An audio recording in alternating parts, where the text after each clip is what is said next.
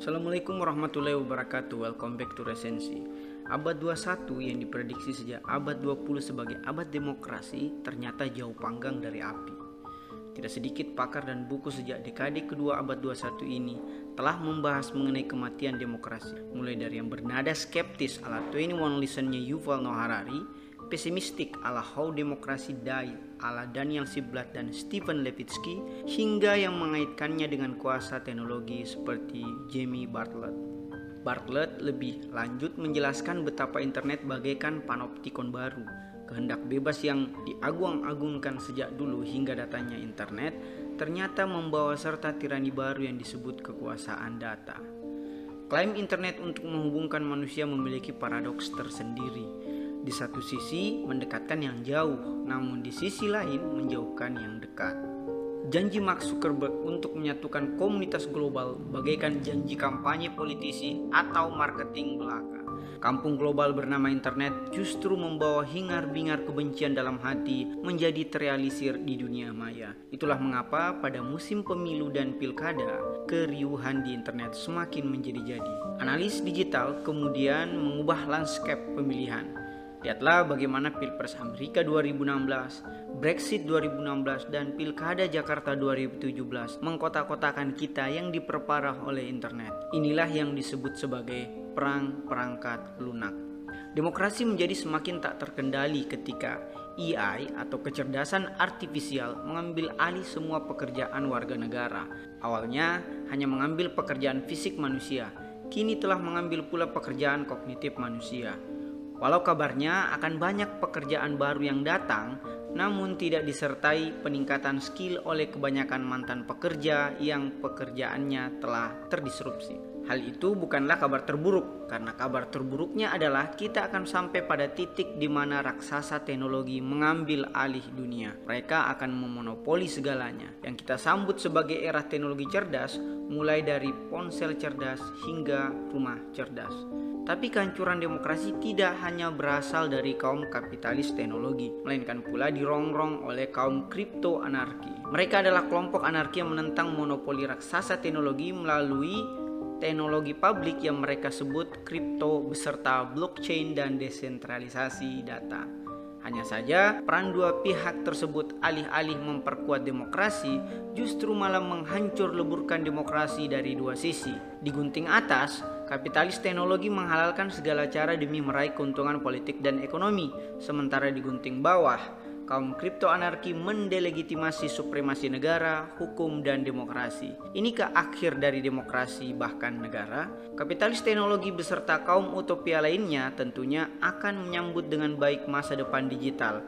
Sementara kaum kripto anarki dan kelompok distopia lainnya tentunya akan membalikkan tesis optimisme dan mengarahkan kita pada keadaan alamiah atau anarki berbasis kripto, blockchain, dan desentralisasi data. Apa yang harus kita lakukan dalam menghadapi dua skenario tersebut? Meskipun teknologi tidak mutlak baik atau mutlak buruknya, tetapi ia tidaklah netral. Jamie Bartlett merekomendasikan 20 ide untuk menyelamatkan demokrasi. Satu, miliki pendapatan pribadi Anda. Itu artinya jangan terlalu bergantung pada kapitalisme teknologi.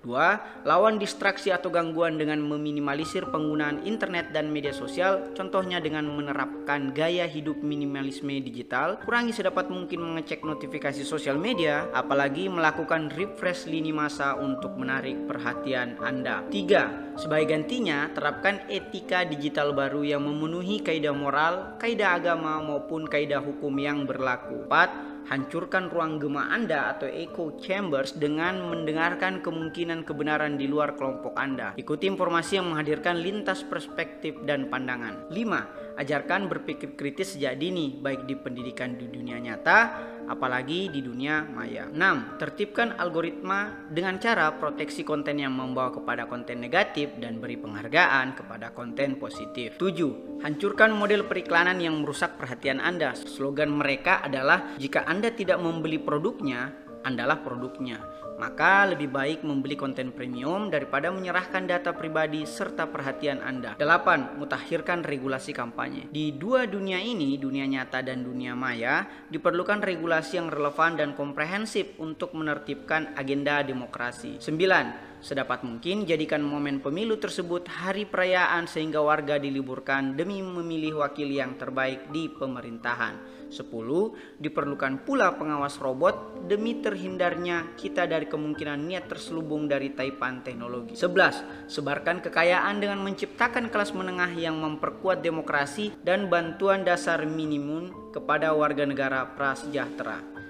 12. Jika perusahaan memberhentikan pekerja sembari menggantinya dengan robot, maka pajak atas robot menjadi masuk akal untuk diatur demi kesejahteraan bersama. 13. Jaring pengaman baru berupa pendapatan minimum tadi tidak cukup sampai di situ, mesti ditingkatkan demi pemberian upah bagi warga negara yang mengikuti pelatihan peningkatan keterampilan. 14. Hak-hak pekerja mesti harus diperhatikan lagi secara seksama, mengingat posisinya sangat rentan didisrupsi oleh robot kepentingan sepihak para pemilik modal. 15. Perdagangan yang adil harus haruslah terus diutamakan demi keadilan sosial bagi warga negara, pemerintah, dan perusahaan. 16. Antipakat atau penolakan terhadap segala bentuk monopoli dari perusahaan teknologi yang dapat mengelola data pribadi kita menjadi tidak terlindungi. 17. Kecerdasan artifisial dibolehkan selama telah teruji aman untuk selamanya, bukan hanya sementara. 18 menciptakan polisi cyber yang transparan demi menindak segala bentuk kriminalitas yang dilakukan warga, kelompok tertentu dan utamanya perusahaan. 19. Mengatur ulang Bitcoin demi keamanan semua pihak. Sebagai gantinya, pemerintah menciptakan mata uang kripto sendiri dengan kemudahan dan keamanan transaksi perekonomian di era digital. Dan terakhir, pemerintah masa depan harusnya merupakan pemerintahan yang lebih terbuka dan aman Hal itu dimungkinkan jika ada political will dari pemerintah, perusahaan teknologi, dan kita semua sebagai warga negara yang baik. Dengan begitu, tesis tentang internet akan menghancurkan demokrasi justru makin memperkuatnya. Ada pertanyaan?